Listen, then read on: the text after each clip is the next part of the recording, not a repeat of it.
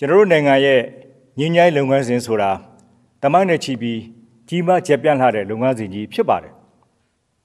နိုင်ငံတော်အစိုးရဆက်ဆက်နဲ့တပ်မတော်အနေနဲ့လွတ်လပ်ရပြီးကြတဲ့ကပြည်တွင်းလက်နက်ကပဋိပက္ခတွေခြုံငင်းရေးပြည်တွင်းငင်းညိုင်းရေးအတွက်တွဲဆုံဆွေးနွေးညှိနှိုင်းခြင်းတွေကိုအကြိမ်ကြိမ်ပြုလုပ်ခဲ့ပါတယ်တပ်မတော်အနေနဲ့ဒိုင်းသားလက်နက်ကအဖွဲ့အစည်းအားလုံး NCA လမ်းကြောင်းမှာရှောင်လွှမ်းနိုင်ဖို့အမြဲတိုက်တွန်းနှိုးဆော်ခဲ့ပါတယ်။ ငင်းငယ်လူချင်းရင်တပ်မတော်ကတစ်ဖက်သက်ပြစ်ခတ်တိုက်ခိုက်မှုရစဲပေးဖို့ဆိုတဲ့သဘောထားအယူဆတွေကိုလည်းပြောလာခဲ့ပါတယ်။တနိုင်ငံလုံးပြစ်ခတ်တိုက်ခိုက်မှုရစဲရေးသဘောတူစာချုပ် NCA ကိုစစ်တပ်တိုင်းရင်းသားနဲ့ဒီမိုကရေစီလိုလားသူလက်နက်ကိုင်အဖွဲ့ဆယ်ဖွဲ့တို့လက်မှတ်ထိုးထားတာအခုဆိုရင်6နှစ်ပြည့်မြောက်ပြီဖြစ်ပါတယ်။ဒီ6နှစ်ပြည့်နဲ့ပတ်သက်လို့စစ်အုပ်စုခေါင်းဆောင်မင်းအောင်လှိုင်ကအော်တိုဘာလ15ရက်မှာမိန့်ခွန်းတရက်ထုတ်လွှင့်ခဲ့ပါတယ်။ဒီမိကွန်းထဲမှာတချို့သောတိုင်းသားလက်နက်ကိုင်အဖွဲ့အစည်းတွေအနေနဲ့ လက်ရှိအစိုးရဟာရွေးကောက်ခံအစိုးရမဟုတ်လို့တွိဆုံဆွေးနွေးစရာမလိုဘူးဆိုတဲ့အယူအဆတွေငြိမ်းချမ်းရေးကိုအပြည့်အဝအကောင့်ထဲပေါ်ပေးနိုင်မှာမဟုတ်ဘူးဆိုတဲ့အယူအဆတွေနဲ့ပတ်သက်ပြီးစိတ်ကူးရင်မဆန်ပဲလက်တွေ့ကြကြသုံးသပ်ဖို့လိုပါတယ်လို့ဗိုလ်မင်းအောင်လှိုင်ကပြောခဲ့ပါတယ်။ဒါအပြင် NCA လက်မှတ်ရေးထိုးထားတဲ့တိုင်းသားလက်နက်ကိုင်အဖွဲ့တချို့ဟာလည်းပြည်တွင်းပြည်ပအဖွဲ့အစည်းတချို့ရဲ့သွေးထိုးလှုံ့ဆော်မှုတွေကြောင့်ငြိမ်းချမ်းရေးလမ်းကြောင်းကနေသွေးဖယ်လှုပ်ဆောင်လိုတဲ့သဘောတရားဆောင်ရွက်ချက်တွေတွေ့ရှိလာရသလိုငြိမ်းချမ်းရေးလုပ်ငန်းစဉ်ကိုယုံကြည်မှုပြပြစေမဲ့မလုတ်တဲ့မလုတ်ထိုက်တဲ့လုပ်ရက်တွေလှုပ်ဆောင်ပြီးနိုင်ငံတော်အစိုးရကအကြမ်းဖက်အဖြစ်သတ်မှတ်ထားတဲ့အဖွဲ့အစည်းတွေနဲ့ပါဝင်ပတ်သက်မှုတွေရှိနေတာလည်းတွေ့ရပါတယ်လို့ထည့်ပြောခဲ့သလိုအကြမ်းဖက်လုပ်ရက်များအဖြတ်အမောက်လုပ်ရက်များ ပြည်ရင်းပြည်ပပယောဂများမီဒီယာများရဲ့သွေးထိုးလှုံ့ဆော်မှုတွေကြောင့် NCA ဆိုတဲ့ငြိမ်းချမ်းရေးလမ်းကြောင်းပျောက်ပြတ်မသွားဖို့အထူးသတိပြုစီလိုကြောင်းပြောကြားလိုပါတယ်လို့လည်းဆိုခဲ့ပါတယ်။တိုင်းဒေသတွေကအဖွဲ့အစည်းများအနေနဲ့ NCA စာချုပ်ကိုပုံမူခိုင်မာအောင် NCA လက်မှတ်ရေးထိုးမထားရသေးတဲ့တိုင်းဒေသတွေကအဖွဲ့အစည်းများအနေနဲ့လည်းလက်ရှိအခြေအနေတဲ့ပုံမိုးတဲ့ပြစ်ခတ်တိုက်ခတ်မှုရစဲရေးနဲ့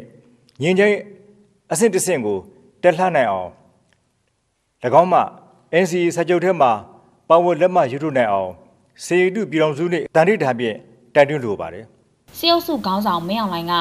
NCA 6နှစ်ပြည့်မိကွန်းမှာ Federal စနစ်နဲ့ပတ်သက်လို့လဲသူ့သဘောထားကိုအခုလိုထည့်ပြောခဲ့ပြန်ပါတယ်။ Federal စနစ်နဲ့ပတ်သက်ပြီးမိမိတို့လူရကိုအဓိပ္ပာယ်အမျိုးမျိုးဖွင့်ဆိုပြီးပြောဆိုနေကြတော့လည်းပဲအနှစ်သာရကပေါင်းစည်းခြင်းနဲ့တားဆာတာဖြစ်မှုပဲဖြစ်ပါတယ်။မတူကွဲပြားတဲ့တိုက်ဒေသကြီးများပြည်နယ်များ လူမျိုးများလူမျိုးစုများကိုစူးစီးထားရမှာအာဏာသုံးရပ်ကိုခွဲဝေကျင့်သုံးခြင်းပဲဖြစ်ပါတယ်ဒီမိုကရေစီနဲ့ဖက်ဒရယ်စနစ်နဲ့ပတ်သက်ပြီးမြေတို့ပင်အမျိုးဝါဒအမျိုးမျိုးကွဲပြားနေကြပါသည်မိမိတို့နိုင်ငံနဲ့သာသနာဖြစ်မဲ့စနစ်မျိုးကိုရွေးချယ်ဆောင်ရွက်သွားကြမှာဖြစ်ပါတယ် ပြောဆိုချက်မှာပါတဲ့ဒီမိုကရေစီဆိုတာဟာစစ်တပ်ကအမြဲတမ်းသုံးနှုတ်နေတဲ့စီကံပြေးဝသောဆိုတဲ့အတူအယောင်ဒီမိုကရေစီကိုရည်ညွှန်းတာဖြစ်ပြီးဖက်ဒရယ်စနစ်ဆိုတာကလည်းဗမာလူမျိုးကိုအခြေခံတဲ့ဗမာလူမျိုးကြီးဝါဒကိုအခြေခံတဲ့ဗမာလူမျိုးတွေပေးသလောက်အာဏာကိုသာတိုင်းရင်းသားလူမျိုးစုတွေကလက်ခံရမယ်ပုံစံသာဖြစ်ပါတယ်။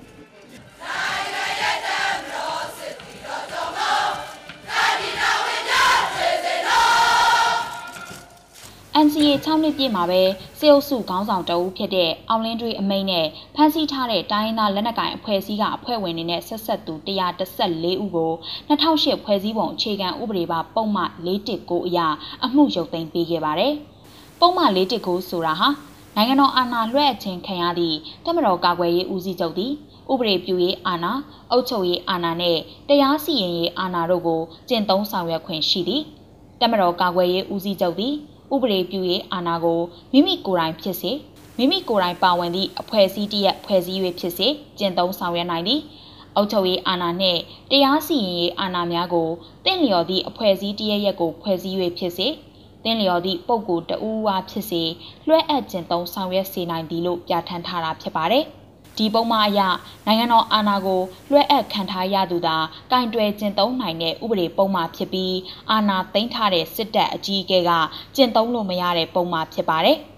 အောင်လင်းတွေးလက်မှတ်ထိုးထားတဲ့ဒီထုတ်ပြန်ချက်မှာထူးခြားတာကတော့ NCA လက်မှတ်ထိုးထားတဲ့အဖွဲ့တွေကနှစ်ဖွဲ့ဖြစ်တဲ့ KNU KNLA PC နဲ့ RCSS SSA အပြင်လက်မှတ်မထိုးထားတဲ့တိုင်းသားလက်နက်ကိုင်အဖွဲ့ကသူတွေနဲ့ဆက်ဆက်သူတွေကိုပါရောပြီးလွှတ်ပေးတာဖြစ်ပါတယ်။ ရခိုင်တပ်မတော် AA ကချင်လွတ်မြောက်ရေးတပ်မတော် KIA တောင်အမျိုးသားလွတ်မြောက်ရေးတပ်မတော် TNL ရှမ်းပြည်တိုးတက်ရေးပါတီရှမ်းပြည်တပ်မတော် SSPP SSA မြန်မာအမျိုးသားဒီမိုကရက်တစ်မဟာမိတ်တပ်မတော် MNDAA ကသူတွေကိုပါအမှုရုပ်သိမ်းပေးလိုက်တာဖြစ်ပါတယ်။တကယ်တော့အခုစီးရင်မှာပါတဲ့ NCA လက်မှတ်မထိုးထားတဲ့လက်နက်ကိုင်အဖွဲ့တွေဟာသူတို့အခြေစိုက်ရာဒေသတွေမှာစစ်အုပ်စုနဲ့တိုက်ပွဲဖြစ်နေတဲ့အဖွဲ့တွေဖြစ်ပါတယ်။ ဒီလိုလောက်တာကလည်းစစ်အုပ်စုဟာငင်းချမ်းရေးစိစက်ရေးအတွက်လူလားကြောင်းပြယုံတက်တက်တာဖြစ်ပြီးအောက်ခြေမှာတော့အေအေကလွဲရင်ကြံတဲ့အဖွဲ့တွေနဲ့နေ့စဉ်လိုအပတ်စဉ်လိုတိုက်ပွဲတွေရှိနေတာဖြစ်ပါတယ်။လက်မှတ်ထိုးထားတဲ့အဖွဲ့၁၀ဘွဲကတော့ကရင်အမျိုးသားအစည်းအရုံး KNU ရှမ်းပြည်ပြည်လဲထူထောင်ရေးကောင်စီ RCSS ဒီမိုကရေစီအကျိုးပြုကရင်တက်မတော် DKBA ကရင်ငြိမ်းချမ်းရေးကောင်စီ KNU KNLA-PC ရခိုင်အမျိုးသားလွတ်မြောက်ရေးပါတီ ALP ချင်းအမျိုးသားတပ်ဦး CNF ပအိုးလွတ်မြောက်ရေးအဖွဲ့ချုပ် PNL မြန်မာနိုင်ငံလုံးဆိုင်ရာចောင်းသားများဒီမိုကရက်တစ်တပ်ဦး ABSDF မွန်ပြည်သစ်ပါတီ NMSP နဲ့လာဟူဒီမိုကရက်တစ်အစည်းအရုံး LDU တို့ဖြစ်ပါတယ်။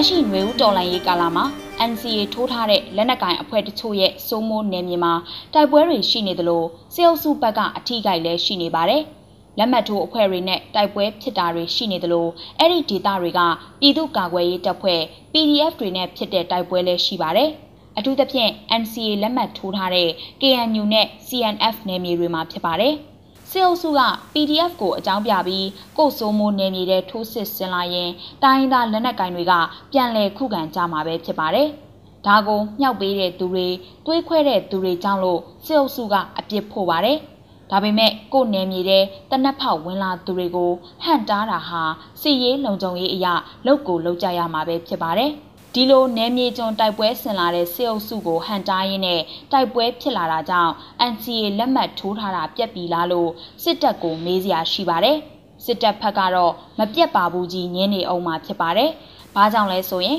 လူမှုလက်နက်ကင်တိုက်ပွဲပြင်းထန်လာချိန်စစ်မျက်နှာများများဖွင့်ဖို့ခက်ခဲတဲ့စစ်အုပ်စုအကြက်တဲကြောင့်ပဲဖြစ်ပါတယ်။ စစ်အုပ်စုခေါင်းဆောင်ဘိုးမင်းအောင်လှိုင်ဟာမိကွန်းတွေကတဆင့်စိတ်ကူးရင်မဆန်ကြဖို့လက်တွေ့ဆန်ဖို့ပြောနေရင်တွေးထုတ်မှုတွေရှိတယ်လို့ဆိုရင် NCA လမ်းကြောင်းကတဆင့်လူလူလက်နက်ကင်တိုက်ပွဲနဲ့တိုင်းသားလက်နက်ကင်အဖွဲ့တွေရဲ့အင်အားပူးပေါင်းသွားမှာကိုစိုးရိမ်တကြီးဖြစ်နေပါတယ်။ ဒါကြောင့်လဲ NCA လက်မှတ်ထိုးထားတဲ့အဖွဲ့တွေနဲ့တိုက်ပွဲတွေဘလောက်ရှိရှိစေအုပ်စုဘက်ကအထိနာမှုဘလောက်ရှိရှိ NCA စာချုပ်ကိုလက်ညှိုးထိုးပြပြီးပြက်လို့မရဘူးလို့တွင်တွင်ပြောနေတာသာဖြစ်ပါတယ်။ NCA ဆိုတဲ့ဖောင်ကြီးကိုဖတ်တွယ်ရင်းငိမ့်ချမ်းရေးကိုလိုလားပါကြောင်းရေငတ်တယ်လို့တတွင်တွင်ပြောနေရတာဖြစ်ပါတယ်။ဒါကြောင့် NCA စာချုပ်ဟာကျွန်တော်တို့အတွက်အစီအမံအလေးထားရမယ်မေးဖြောက်ပြလို့မရတဲ့စာချုပ်ဖြစ်တယ်လို့ ဆိုရမှာဖြစ်ပါတယ်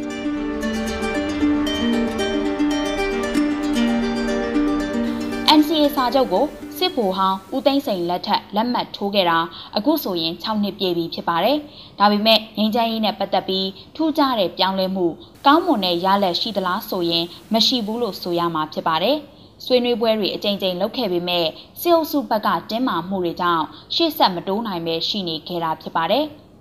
နိုင်ငံရှေ့နောက်တောင်မြောက်မှာရှိတဲ့တိုင်းသားလက်နက်ကိုင်တွေကိုတပြိုင်တည်းစစ်မျက်နှာမဖွင့်ကျင်တာကြောင့်သာငြိမ်းချမ်းရေးစကားဝိုင်းဆိုတာတွေကိုစတင်ခဲ့တာဖြစ်ပါတယ်။ဒီလိုစတင်နိုင်မှုအတွက်လဲဘူသိန်းစိန်အစိုးရလက်ထက်ကတိုက်လားကာလားငွေလားကြိုက်တာပြောလက်မှတ်ထိုးရင်ပြီးရောဆိုပြီးလုပ်ခဲ့တာဖြစ်ပါတယ်။ တကယ်ငြိမ်းချမ်းရေးကိုလိုချင်လို့တိုင်းသားလက်နက်ကိုင်တွေတောင်းဆိုတဲ့ဒီမိုကရေစီအရေးဖက်ဒရယ်အရေးကိုအကောင့်ထဲပေါ်ကျင်လို့မဟုတ်ပါဘူး။တိုင်းသားလက်နက်ကိုင်တွေကိုဗန်းပြပြီးစစ်အင်အားတိုးချဲ့ဖို့လက်နက်အင်အားတိုးချဲ့ဖို့ဘတ်ဂျက်တောင်းကောင်းရုံသုံးကောင်းရုံလုပ်ခဲ့တာသာဖြစ်ပါတယ်။အခုနိုင်ငံအာဏာကိုလက်နက်နဲ့တင်ထားတဲ့မင်းအောင်လှိုင်စစ်တပ်ကိုတိုင်းသားလက်နက်ကိုင်အင်အားစုတွေသာမကပြည်သူလူထုကပါလက်နက်ကိုင်တော်လှန်နေချိန်ဖြစ်ပါတယ်။ ဒီအတွက်စစ်အုပ်စုဟာစစ်မျက်နှာပေါင်းများစွာဖွင့်ထားနေရပါတယ်။ဒါကြောင့်လဲဘေးချိတ်ထားတဲ့ NCA လက်မှတ်ထိုးခဲ့မှုကြီးကိုအသုံးချပြီးတိုက်ပွဲမဖြစ်ဖို့ NCA ကြီးမပြတ်ဖို့ဆိုပြီးအထက်စီးက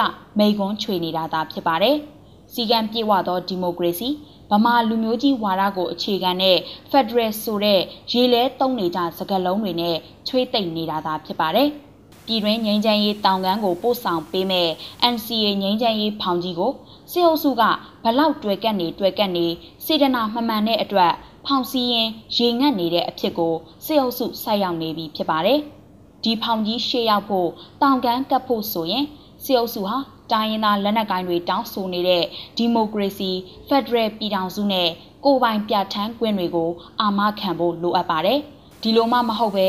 NCA စာချုပ်ကြီးတပြားပြားနဲ့နှစ်သိမ့်နေအောင်မယ်လှည့်ပြားနေအောင်မယ်ဆိုရင်ငြိမ်းချမ်းရေးဆိုတာမျှော်လေတိုင်းဝေးနေရအောင်မှာဖြစ်ပါတယ်